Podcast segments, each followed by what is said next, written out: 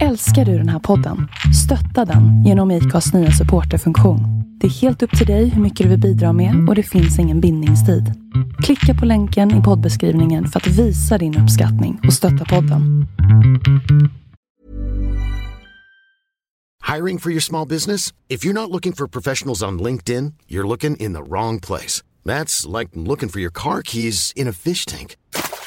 LinkedIn helps you hire professionals you can't find anywhere else, even those who aren't actively searching for a new job but might be open to the perfect role. In a given month, over 70% of LinkedIn users don't even visit other leading job sites. So start looking in the right place. With LinkedIn, you can hire professionals like a professional. Post your free job on linkedin.com slash people today. Hi, I'm Daniel, founder of Pretty Litter. Cats and cat owners deserve better than any old-fashioned litter. That's why I teamed up with scientists and veterinarians to create Pretty Litter. Its innovative crystal formula has superior odor control and weighs up to 80% less than clay litter. Pretty Litter even monitors health by changing colors to help detect early signs of potential illness. It's the world's smartest kitty litter. Go to prettylitter.com and use code ACAST for 20% off your first order and a free cat toy. Terms and conditions apply. See site for details.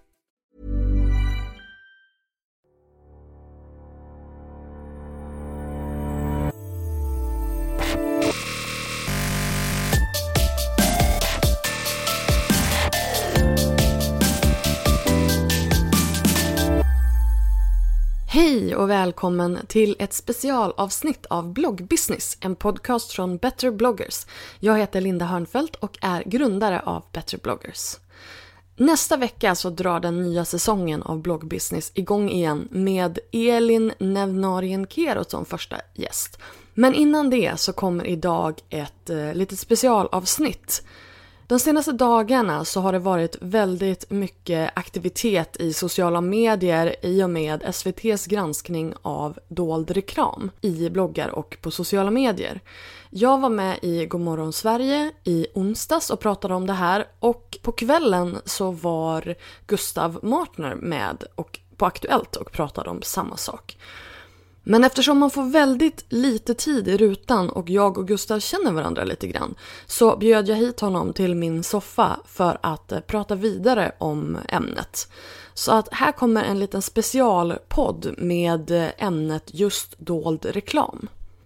Sedan vill jag också passa på att tipsa om eh, Better bloggers allra första webbkurs som vi släppte tidigare i veckan. Webbkursen heter Maxa din bloggs potential och är till för dig som vill lägga en stadig grund för att kunna göra business på bloggen. Vi går igenom bloggen och den digitala strategin och eh, bara gör den redo för att eh, ta nästa steg. Så kika på det eh, på betterbloggers.se. Här kommer nu mitt samtal med Gustav Martner.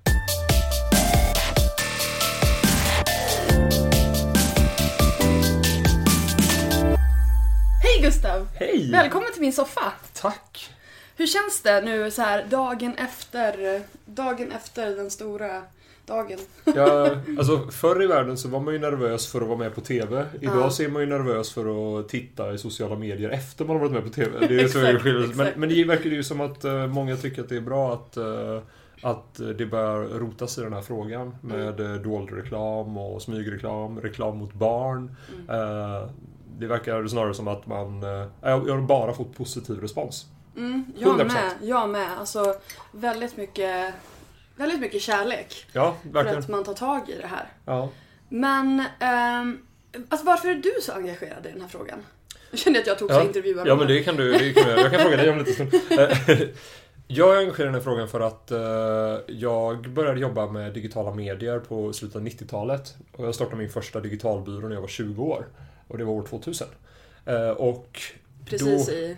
Ja men exakt, allt gick åt skogen. eh, Så det var, det var ett besvärligt tid att starta byrå. kan jag säga. det. Men det var bra för oss. Men det som, eh, det som uppstod då var, alltså då var, då hjälpte vi företag att göra saker på nätet. Och företagen var ungefär lika clueless, nervösa och sådär som, som det offentliga idag. Så att Eh, företagen visste inte hur de skulle hantera de digitala medierna och vi som var liksom fans utav digitala medier vi, vi som var där, vi hjälpte dem men det var vi som, som kunde bestämma hur det skulle vara. Eh, det var vi som hade kontrollen. Idag så har spelplanen totalt switchat, så det är företagen som har tagit över. Och plattformarna framförallt, i allians med företagen. Det offentliga och de idéburna verksamheterna, de mer ideologiskt drivna verksamheterna, det är de som nu ligger efter. Så jag kände väl liksom efter att ha jobbat väldigt intensivt i 18 år med den, den sidan, att jag tänkte det är nog dags att jag börjar hjälpa dem istället. Liksom. Jag förstår. Ja, men då är vi ju på samma, på Ja. samma sida, om man säger så. Ja. Eh, för att, och det jag tänker att, det har ju pratats nu de, de senaste dagarna, det är ju väldigt mycket fokus på alltså barn och unga och vad, vad som kan göras för att, för att förhindra den här, den här dolda reklamen. Och då är det mycket så här, det är mycket snack om riktlinjer och det är mycket snack om plattformarna och sådär. Men inte så mycket prat egentligen om själva pub- publicisterna, vad man kan göra för att Nej. liksom, utbilda dem. Och det är det jag gör. Liksom. Mm. Eh, hur tycker du man ska komma åt det? Nej men så här, jag tänker att det, om man skulle ta liksom det som debatten nu och så försöka liksom dela upp det i lite olika delar. Mm, den är väldigt rörig. Ja, den är ju det. Eh, samtidigt som jag tycker att granskningen är ju faktiskt ganska bra på ett sätt. Den är lite skev. gud. Eh, Vissa så här, granskningar blir så skeva, men det verkar ju som det är en väldigt bra granskning nu som pågår. De men söker bara- inte the drama, Nej, utan de lite är så. väldigt sakliga. Ja, verkligen. Ja. Verkligen bra, bra SVT.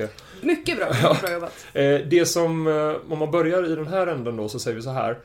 Just nu så pågår det en... Eh, debatten har blivit väldigt fokuserad på reklamidentifikation. Alltså, är detta reklam eller är det smygreklam?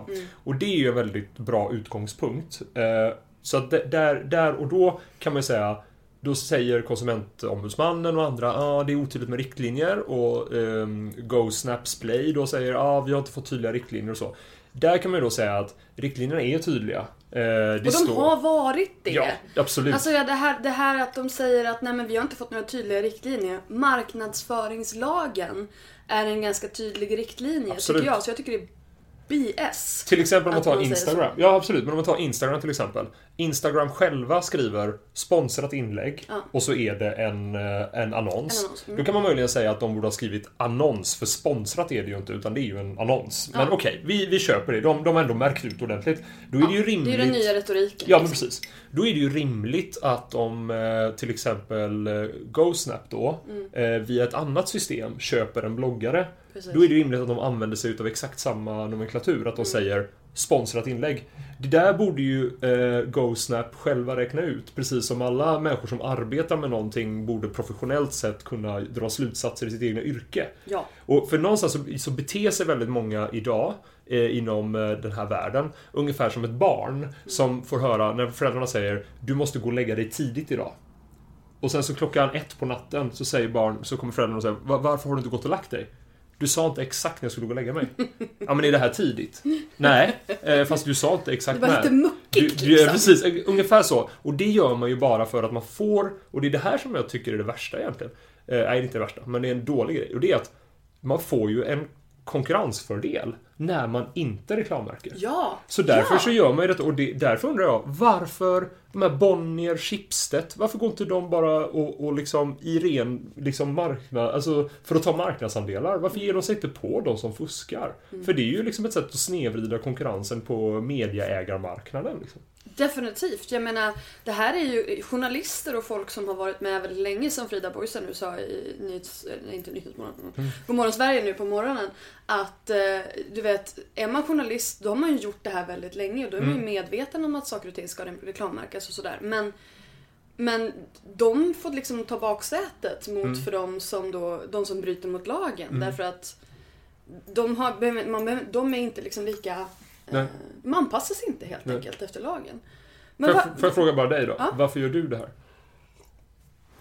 För du satt i Godmorgon Sverige här och berättade Mm. och du gjorde, du gjorde en väldigt bra grej att du berättade även om de här mer skumrask... För att men nu Mm. i slutet av debatten blev väldigt mycket fokus på de som... Man kan säga vad man vill om, eh, om GoSnap och YouTube och de här men de är i alla fall öppna med vad de gör. Mm. Det, GoSnap har ju inte på något sätt eh, dolt hur de arbetar. De har egentligen bara sagt att nej, men vi försöker följa eh, hur man ska göra. Men eh, sen du tog ju upp med det här, de här eh, skumraskföretagen. och. Ja, precis. Men varför gör du det? Varför tar du inte bara... Du bloggar ju själv. Är det inte bättre att bara ta pengarna och låta någon annan sköta det här? Typ sådana här skäggiga som jag eller så.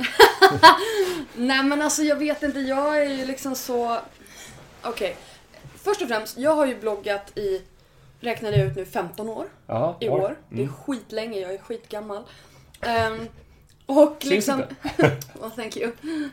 Ska det nu jag ska namedroppa några så här. Ja, jag använder mig utav mitt så- namn. Just nu så använder jag det. Nej. Verkligen! Så roligt!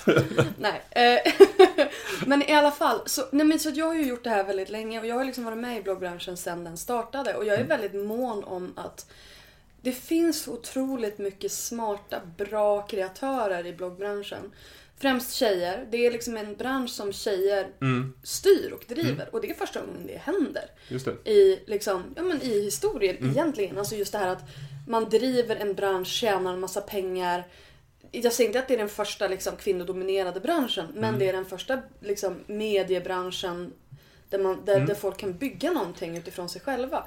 Och därför så känner jag så här att jag känner mycket bloggare och då vill jag så här, jag vill ju att den här branschen ska bli legitim och att vi ska kunna fortsätta göra det här. För att om, om vi inte följer lagar och regler, om vi inte beter oss som professionella personer så kommer vi skjuta oss själva i foten och då kommer branschen att fallera innan den ens har liksom... Det är en väldigt intressant aspekt av det för att vilka är det som är duktiga på att skapa bra innehåll? Jo, Exakt. det är kvinnor och barn till stor del. Ja. Vilka är det som industrialiserar kvinnor och barn och ser till att tjäna stora pengar på dem? Jo, det är män, för det är de som bygger plattformen. Ja. Ja. Ja, men det här har jag sagt hela tiden. Jag menar bakom i stort sett alla de stora bloggportalerna, de stora säljbolagen, alla som har jobbat med bloggar hittills är män. Och därför, så, därför var det extra viktigt för mig att liksom komma in i det här. Jag är bloggare själv, jag är kvinna och jag har varit med i det här. Och därför känner jag att jag är lämpad för att eh, kunna ta den här liksom, fighten eller kunna försöka eh, undervisa. Alltså det jag vill göra är ju utbilda bloggbranschen om både hur man liksom följer såna här lagar och regler och gör rätt för sig. Men även hur man bygger sina varumärken och bygger sina bloggar och, och sina andra sociala kanaler. För att kunna tjäna pengar på dem. På ett vettigt, legitimt sätt. Verkligen. Någonting som jag tänker, eh, ja, det är några argument som har dykt upp i debatten som jag bara skulle vilja liksom resonera kort kring då.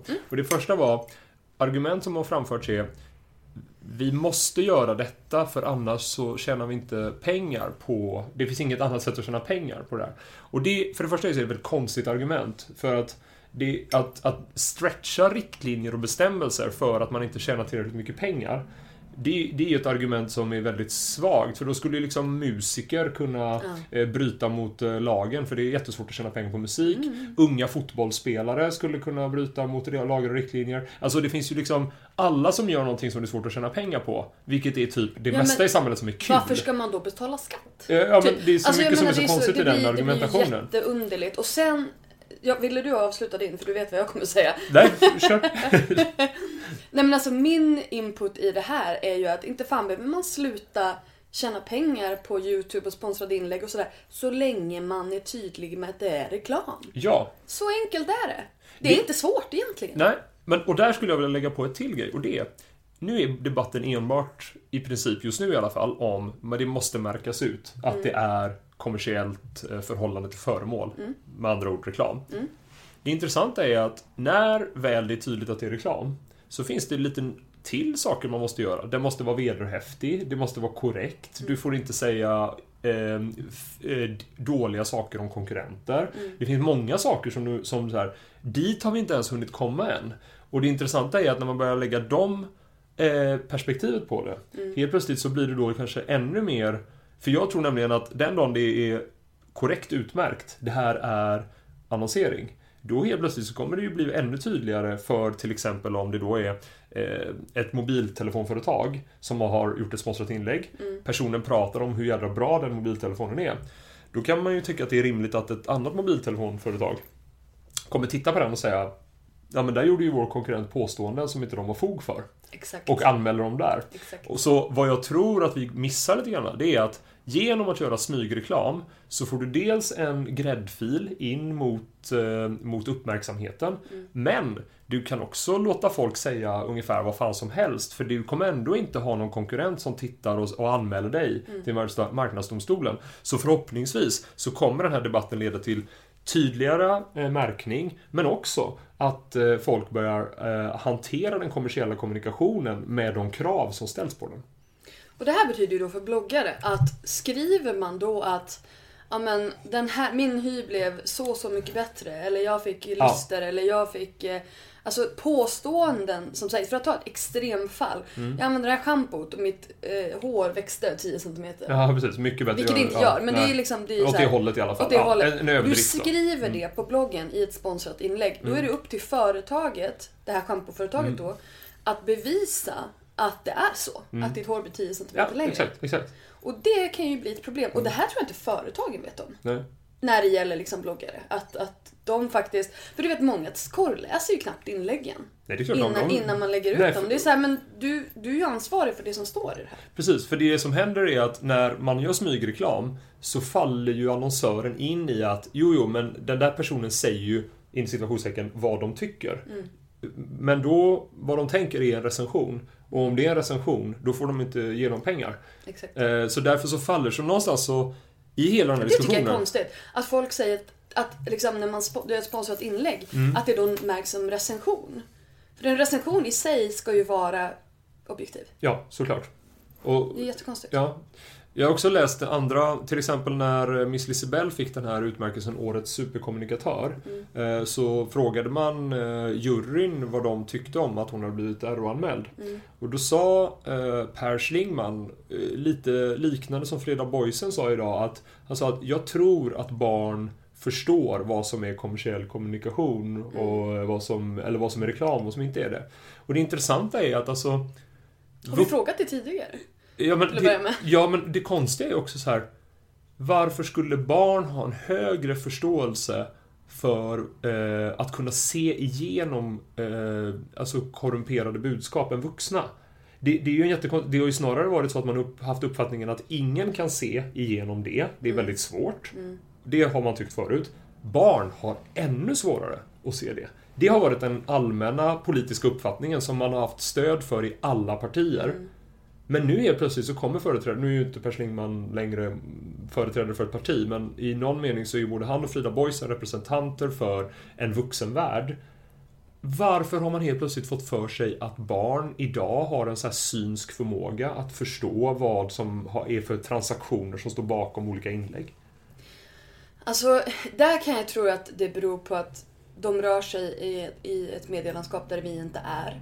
Ehm, och du vet, och sen så tror jag också det här med sponsrat och samarbete det återkommer ju även i TV. Jag menar innan ett TV-program, då, står det ju, då, då säger de ibland Det här programmet presenteras i samarbete med bla bla bla bla bla bla. Och det är ju reklam. Ja, och där är ju, det är ju ett bra exempel där, för att där är ju otroligt hårda regler om vad du får göra och inte göra. Mm. Om du sponsrar Melodifestivalen så får du ju bara visa en logotyp. Du får ju inte säga eh, att... Eh, Du ska det på dig den här klänningen. Nej, eller visa, ska- visa liksom en dramatisering utav hur gott det är att käka tacoskal eller så. Det får du ju inte göra som Nej, det är sponsor. Så att det som... Det är ju därför som man har lyckats få in sponsring på ställen och accepterat det. Fast i samarbete med, är det samma sak då? Nej, alltså det som har hänt är ju att på grund av att eh, man vill ju ifrån mediaägarnas sida och företagens sida helst så drömmer man ju om att få gratis recensioner av människor som säger Jag älskar den här produkten utan att betala för det. Men eftersom den drö- drömmen inte alltid uppfylls så betalar man för att närma sig den drömmen. Och då innebär ju det att de flesta tenderar ju till att stretcha så att man vill inte säga annons, man vill inte säga reklam, utan alla ord som, som man glider hela tiden sig bort ifrån det. Det är en form utav, eh, utav glidning och det är därför som man måste stå emot det. För att det kommer alltid vara så. Efter sponsrat inlägg så kommer man hitta något nytt ord. När det, är, det är ungefär som många andra ord i, i samhället att de degenereras. Du vet städerska, det blev eh, lokalvårdare. Eh, sen blev det trivseltekniker. Oj, den har jag inte hört. Ja, visst är det bra? Trysseltekniker. Typ. Det kanske var på skoj. Fritidsforskare. Fritidsforskare och så vidare. Ja. Och- Och på det sättet är det med reklam också. Och det är därför som typ Instagram hellre vill skriva sponsrat inlägg istället för att skriva annons. Även om annonsen den, är okej, den, kan, den kan jag vara med på. Men för att tala för bloggarna här då. Om man gör ett, man gör ett samarbete med ett företag. Mm. Då är ju ändå innehållet, bilderna, texterna, åsikterna i de allra flesta fall eh, utformade av bloggaren. Mm. Ja, och då ja, är det ju inte narrated av, eh, liksom, då är det ju inte bara så här att du kommer och lägger in en annons och Nej. allting är skrivet av annonsören. Utan då Nej. är det ju ett samarbete. Det, det kan man ju säga. Så att, jag menar, jag skulle inte bli vad ska jag säga, anal kring exakt ord så. Eh, jag tycker mer att man måste se att man måste bestämma sig för vilka ord som gäller. Mm. Eh, och jag tycker att eh, plattformsägarna måste komma till förhandlingsbordet. Mm. Antingen med tvångsmedel och, och då eller snackar frivilligt. vi liksom bloggportaler, YouTube, Ja. Instagram. Ja. Det, Alla det är de. det du tänker med plattformsägare. För, det, Ja. det, för, för många är det ett väldigt luddigt ord. Ja, jag vet. Jag vet. Men jag Det är därför jag kommer- är för tydlig Ja, det är bra. Det är bra att du gör det. Jag tror att vi kommer få vänja oss vid, eh, vid att vi pratar mycket om det. För att eh, det är väl egentligen, tycker jag, det stora paradigmet idag. Är att, eh, det var ett svårt ord igen, Eh, den stora liksom, förändringen idag är just... min, min eh, publik är liksom, de är väldigt smarta men de Ja. är inte så liksom fancy wordy. Nej, och jag, kom, jag är inte så... Inte jag heller. Och jag är inte så smart, men väldigt fancy wordy. så det, det som är plattform, det som har hänt med nätet är att det har gått ifrån att vara en, en mycket friare struktur Mm. med massa servrar som stod överallt och var liksom så här, till att man har det har blivit så här som eh, några stora få plattformar som har tagit över typ all trafik och det gör att man i praktiken, på grund av att man är så fruktansvärt stor som YouTube och Facebook då. I praktiken så börjar man då med sina egna så kallade så här trivselregler och policy så, så kommer man i praktiken så kör man över svensk lag och yttrandefrihet. Till exempel att Facebook kan själva välja att ta bort någon som vill få uppmärksamhet för bröstcancer.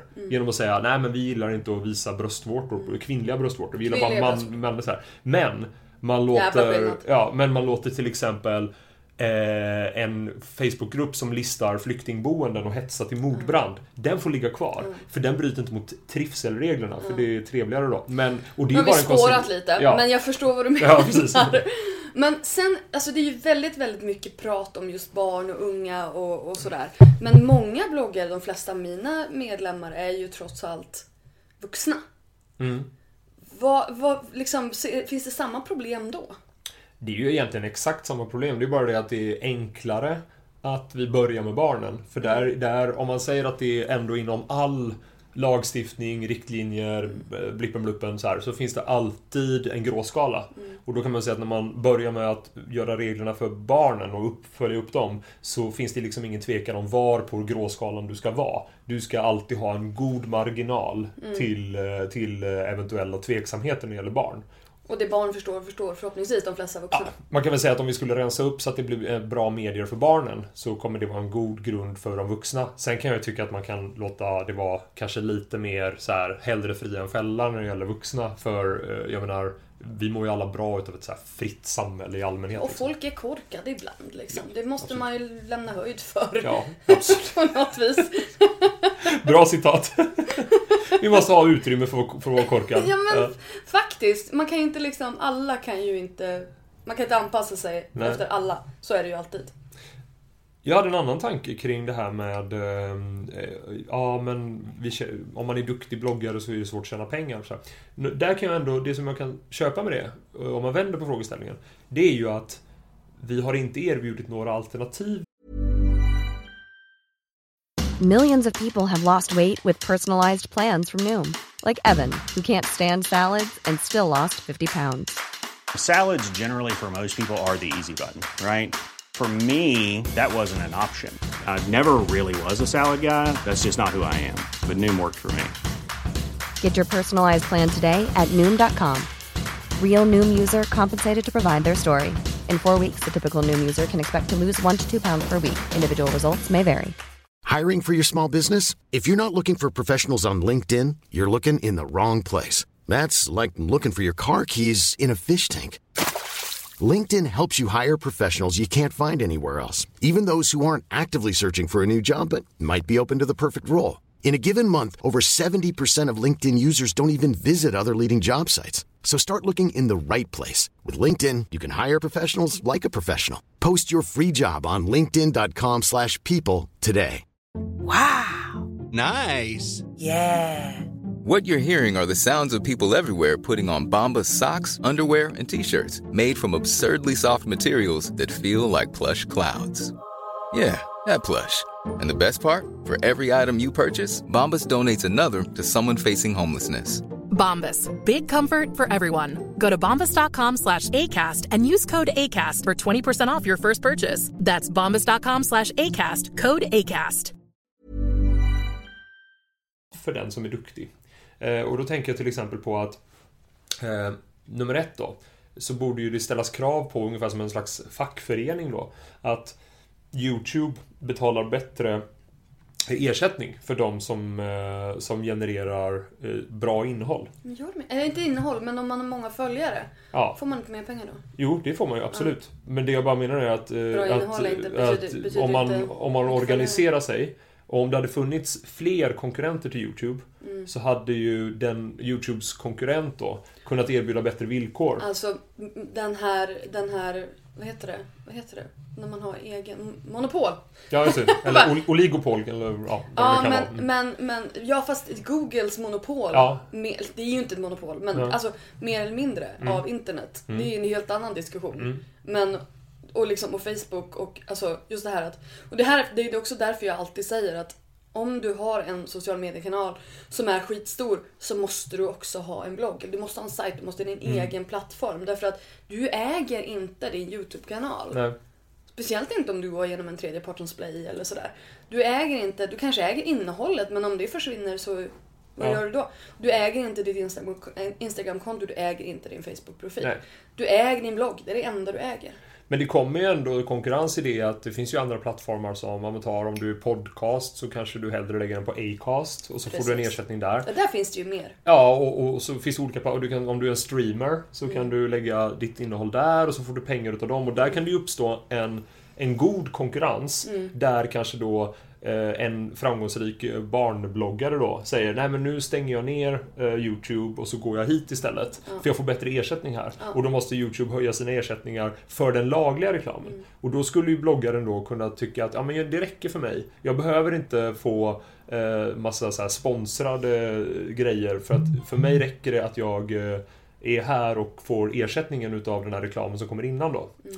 Men en, ett tredje alternativ är... Men det förutsätter ju också att den här bloggaren har den kunskapen, den, den, det skiner på näsan och faktiskt vågar sätta sig upp mot det här. För många, som sagt, de här är eh, 14 bast, blir värvade av Splay och, och de bara ja men vi, vi fixar det här och det här och det här till dig. Och det, visst, det är jättebra att man har en manager som löser det. Men då är man ju också lite så här inkokongad. Alltså Mm. att man ska våga då slå sig fri och stå på egna ben.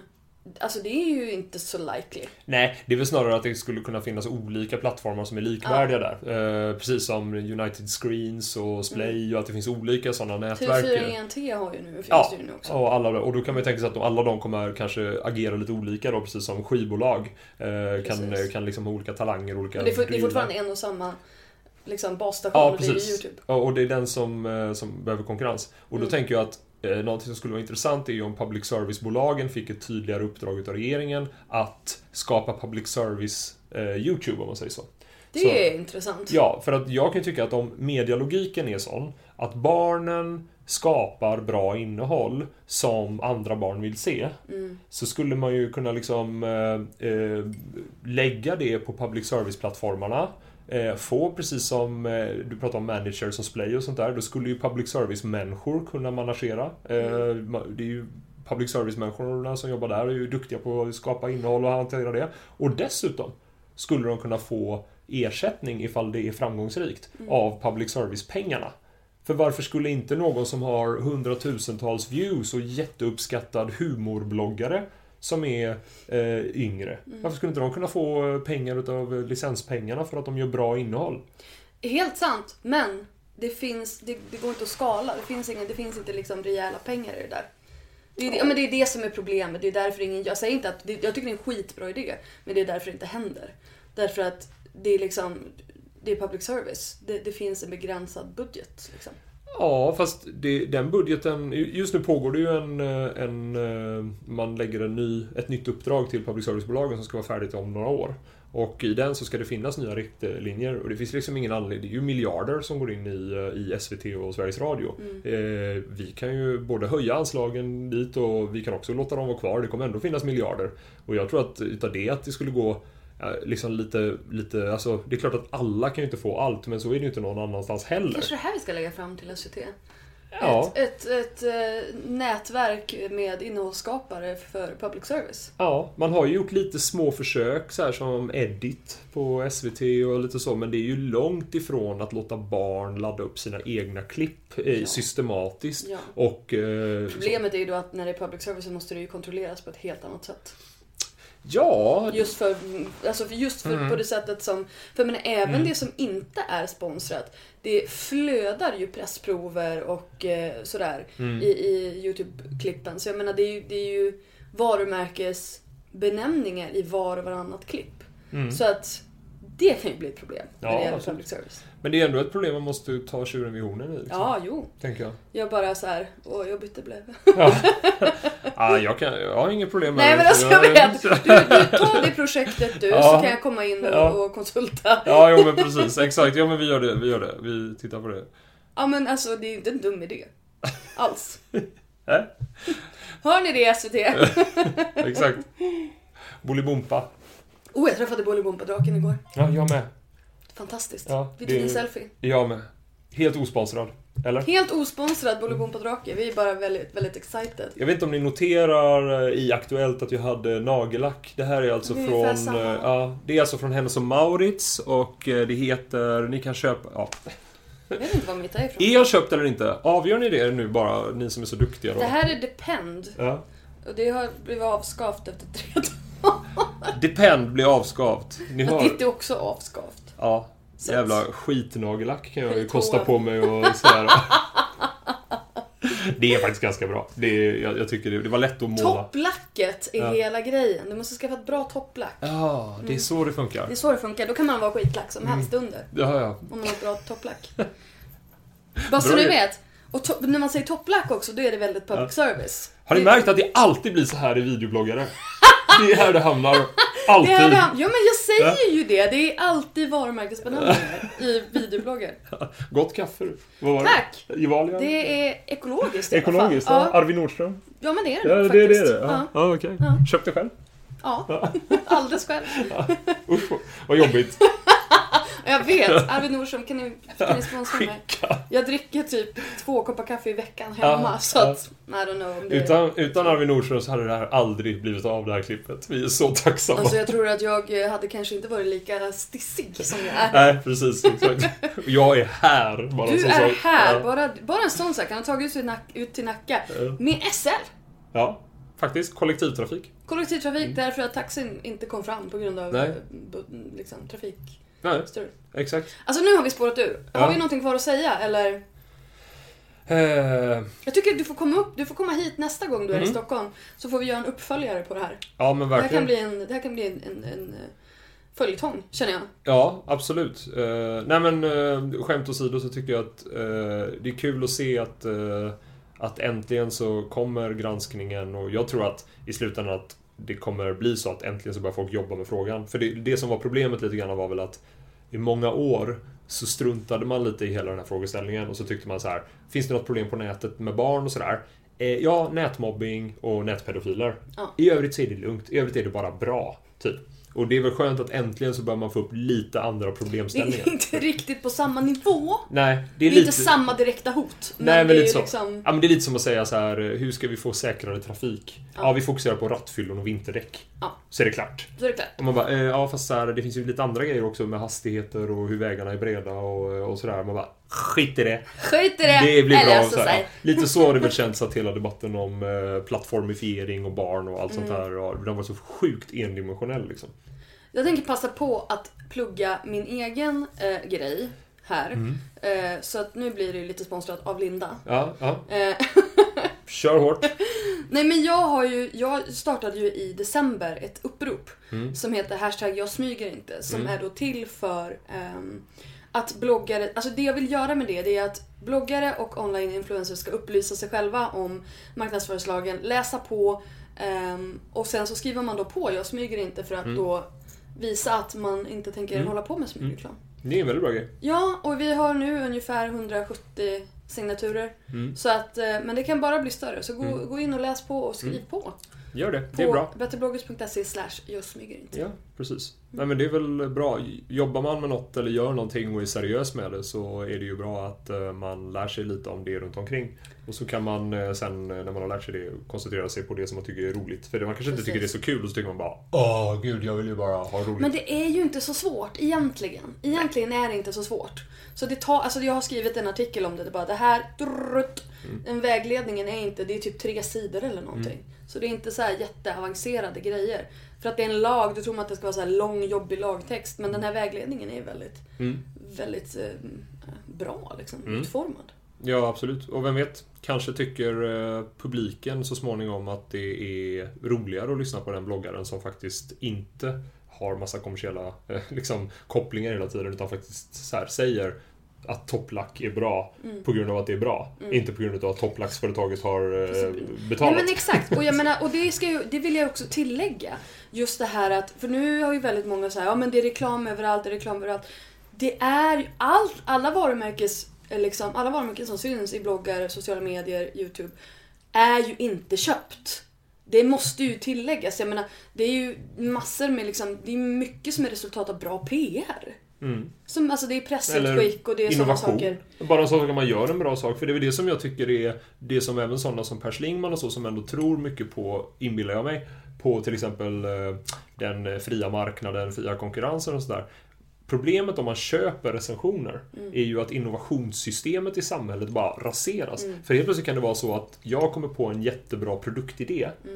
Men det är ingen som, jag får inte ut den. Nej, för du har pengar. Ja, för att pengar. för andra pengar. Och så kommer någon med en skitprodukt, en jättedålig produkt, men betalar alla för att säga att den är bra. Mm. Eh, Då fallerar ju hela den här idén om att konkurrens gör att det blir bättre. Mm. Och då, kan man, då får man ju faktiskt en form av, in, liksom, det blir ju eh, då, då undermineras ju hela idén med fri konkurrens. Men jag ska också tillägga här att även om man får betalt, alltså åtminstone mina medlemmar är folk som, de som jag rör mig kring och förhoppningsvis de flesta, även som vi hörde igår, eh, Kissy och eh, den andra YouTube-tjejen som jag inte kommer ihåg vad hon heter just nu. Miss Lisabelle? Nej, hon, de var med i ett inslag innan Aktuellt där före.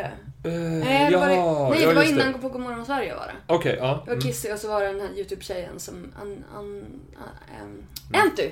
Okej, ja, en till. Mm. Eh, de, de båda sa ju det också att om jag inte gillar produkten så kommer jag inte göra samarbetet bara för att få pengar. Liksom. Så att de, gör, de, de gillar ju faktiskt produkten också.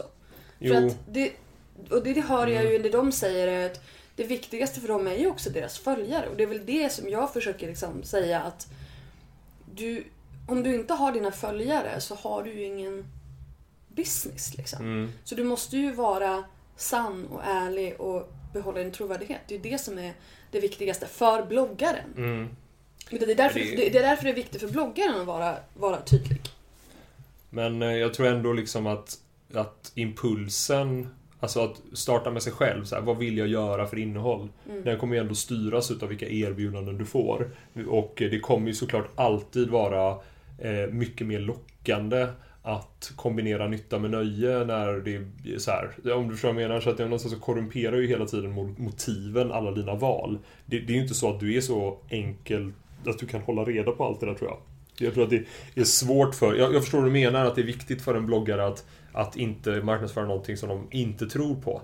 Men där inom ramen för det så finns det sån enormt mycket gråskala. Liksom så här. Jo visst, jo Eh, visst. Jag menar, en, en, bloggare som får så choklad från Marabou Mm. ägnar ju sig åt eh, mer att prata om choklad än att kanske börja reflektera kring eh, käkar vi för mycket socker? Eh, Mm. Jo, såklart, såklart. Men jag menar, om du har en, om det är en träningsbloggare eller någon som skriver om hälsa, då skulle de förmodligen inte göra ett samarbete med Marabou. Så att jag menar, Nej men då skulle väl antagligen eh, om Ideologi. Nej men om Marabou då lanserar en eh, träningsorienterad powerbar så skulle de ju skicka den till tränings och då skulle den träningsbloggaren prata om att det är så himla bra att Marabou lanserat den här powerbaren istället för att ägna sin tid åt att, att prata om hur man kan göra sina egna powerbars till exempel nu. Om ni nu ursäktar att jag ger ett lite så Eventuellt. skogsmulleaktiga resonemang här. Men du förstår vad jag menar liksom att det... eventuellt. Men, men jag tror ändå att jag tror ändå att du nedvärderar eller under, undervärderar eh, deras egen liksom, integritet. Nej, ah, nej men det gör jag verkligen inte. Jag bara tänker att vi styrs mycket utav, eh, utav liksom de motiven som, som läggs fram. För det kan jag se till mig själv. Jag, jag, nej men verkligen, jag tror definitivt att det finns mycket integritet. Det, det, men jag tänker bara mer på mig själv. Att när jag drev reklambyrå så hade jag också den filosofin att vi jobbar inte med vad som helst. Vi till exempel jobbade aldrig med spelbolag för vi tyckte inte att man skulle liksom dra folk till kasinon. Vi, det var massa sådana grejer. Men det är klart att jag jobbade ju ändå med saker som var så här. Jag vet inte om jag tyckte egentligen när jag jobbade att, att jag borde ha ägnat så mycket tid åt att få folk att eh, liksom göra det och det och det och det. Utan det är klart att det var hela tiden en avvägning där man så här, fan vi måste ju ha lön också. Du vet så. Och det är därför jag menar lite grann att, att erbjudanden som läggs på bordet ge- gör ändå att ett barn som får många kommersiella erbjudanden på bordet, det barnet kommer ägna tid åt det. Istället för att ägna tid åt det som jag i alla fall tycker att barn borde göra mer, nämligen reflektera kring hur vill vi förändra samhället? Hur vill jag leva mitt liv? Vad är viktigt på vår skola? Vad är viktigt i vår stad? Självklart. Här, och här är ju skillnad mellan barn och vuxna också. För jag tror att många av de som, mina medlemmar, de som jag jobbar med, de är ju sådana som går efter sina egna samarbeten. De Mm. tittar på ett företag och bara, de här gör en bra grej, jag skulle vilja göra det här tillsammans med det här företaget Mm. och så kontaktar de dem själva.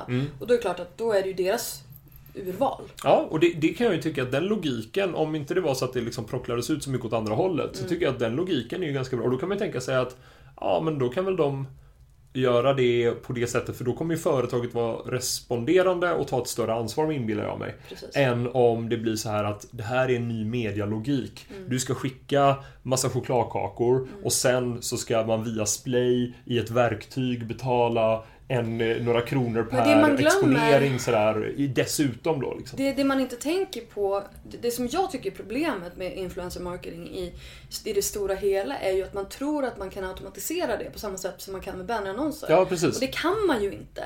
Nej. Därför att, det, därför att det handlar ju om, influencer marketing handlar, handlar om relationer och trovärdighet och det är det man ska liksom Ja. det är det man ska försöka få fram. Mm. Att du, vill du skapa trovärdighet för ditt varumärke, då är influencers ett jättebra sätt. Vill du bara jobba med konvertering och trafik, då kanske du ska vända dig till någonting annat. Mm. Men det, det, där, det, du säger nu är ju verkligen, det sätter du fingret på det och det är ju därför som GoSnap-verktyget är en systematisering utav någonting som borde ske via relationer. Ja. Och det där har ju liksom mobiltelefonföretagen, alla de där, jag har jobbat med dem också så här. Det är klart att de har ju haft massa relationer till journalister som är specialiserade på hemelektronik och sådana Precis. saker. Och det har väl aldrig varit någon som har tyckt att det har varit ett så här jätteproblem. För där har ju liksom det funnits en Det är en helt annan diskussion just det här journalister versus bloggare. Ja, det, precis. Men, men det som har hänt nu är ju att inte nog med att vi har väldigt så här lätt lurad eh, liksom, eh, målgrupp som inte har gått journalisthögskolan och sånt där.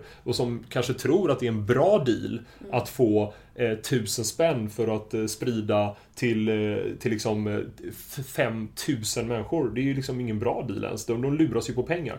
Eh, och samtidigt så systematiserar man det då i, precis som du säger, verktyg som typ liknar lite som att köpa eh, sån här utmär- annonsering som är märkt, som banners och sånt där. Och det är väl där när man gör det som det verkligen börjar bli eh, plattformifiering igen då. Och det är ju plattformifieringen som i allmänhet är det stora problemet. Ja, men det är just det här, man kan inte köra programmatic på människor. Nej, exakt. Exakt, precis.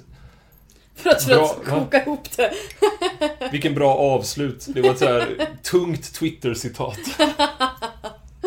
Ja, men jag tycker det att människor måste jobba med människor. Det tar längre Ja. tid.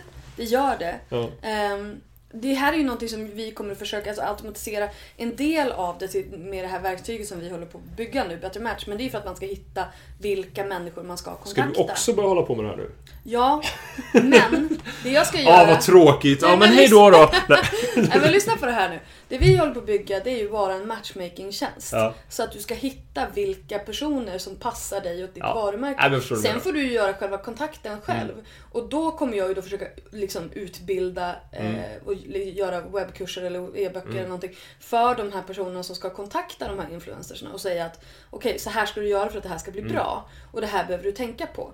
Eh, så att jag kommer inte gå, ge, ge mig in i själva affären utan bara liksom tuta ihop dem så att det tar mindre tid att hitta rätt personer. Och kanske många bloggare slipper bli spammade av sånt som absolut inte är relevant för dem. Mm. Så att här försöker jag bara hitta relevant, relevansen. Liksom. Nej men och det skulle ju i och för sig då eh, GoSnap och eh, Splay kunna säga, men det är ju exakt det vi gör också. Men det som vi då... De gör ju hela grejen. Ja, men det man skulle... Skillnaden är då är ju att man där tar betalt per exponering. eh, utav det som man då har köpt. Precis. Eh, och det kan man också göra, men då är det ju utan tvekan annons. Det är inte samarbete. Utan det det är annons. Betalar man per exponering för att någon ska framföra ett kommersiellt budskap så finns det liksom inga tveksamheter. Det är kom, eh, reklam och reklam lyder under andra lagar än eh, yttrandefrihetsrecensioner. Definitivt. Och det enda vi gör, det är det, då betalar man per matchning. Så Ja. man Ja, betalar, men det- det är något jag ger mig inte in liksom. i affären. Nej, och det, det är något annat. Det är ju så här att hitta talanger och sånt där. Det är en Exakt. annan eh, frågeställning. Men sen är det klart att sen kommer ju då eh, det i sin tur leda till att de måste göra upp, om, om det nu ska vara ett samarbete, hur det ska funka. Mm. Och då kommer den här problematiken eh, liksom uppstå igen då. Men då, då är det någon annanstans som det Precis, uppstår. och dessutom så, och, och då är ju jag med innan och de som är med i det här, i den här Ja, poolen, i den här sökmotorn, de är medlemmar. Mm. Så att jag, alltså utbildning for fuck's sake, alltså förlåt att jag svär, Mm. men jag tror att det här, mycket av det här skulle kunna underlättas om de här profilerna insåg sitt eget värde, insåg sina rättigheter och skyldigheter Mm. och så även annonsörerna. Mm. Där kommer man åt jättemycket och ifall, ifall folk bara har några skrupler och kunskap, problem solved. Mm, mm. Ja men verkligen. Jag har så mycket lösningar. Ja, men, precis. Men sen ska ju det där, sen, där, sen, sen ska ju det där byggas också. Ja, ja, ja. Men du vet. Vi har ju tiden i all tid i världen. Ja. Inte jag dock, för jag ska Du åka med måste flyget. åka nu. Åh herregud, du måste dra nu. Ja. Men du, väldigt trevligt att ha dig här i min soffa. Det får Better bloggers, bra jobbat. Gustav, bra jobbat. Digital Reliance. Reliance. Kolla in nu. Ja, Jag det bara, ser- Digital Alliance. Ja, ja, precis. Tack och hej hörni! Du har precis hört ett avsnitt av Bloggbusiness, en podcast från Better bloggers. Podcasten hittar du såklart på iTunes och på bloggbusiness.se. Vi finns även på Facebook, på Twitter och på Instagram, at betterbloggers. Lämna gärna en kommentar med vad du tyckte om intervjun eller kanske lämna ett önskemål om en framtida gäst. Tack för att du har lyssnat. Ha det bra. Hej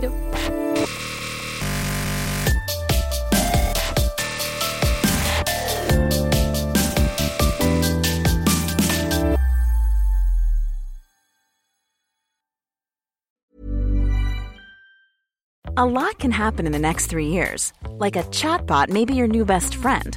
But what won't change? Needing health insurance. United Healthcare Tri Term Medical Plans are available for these changing times.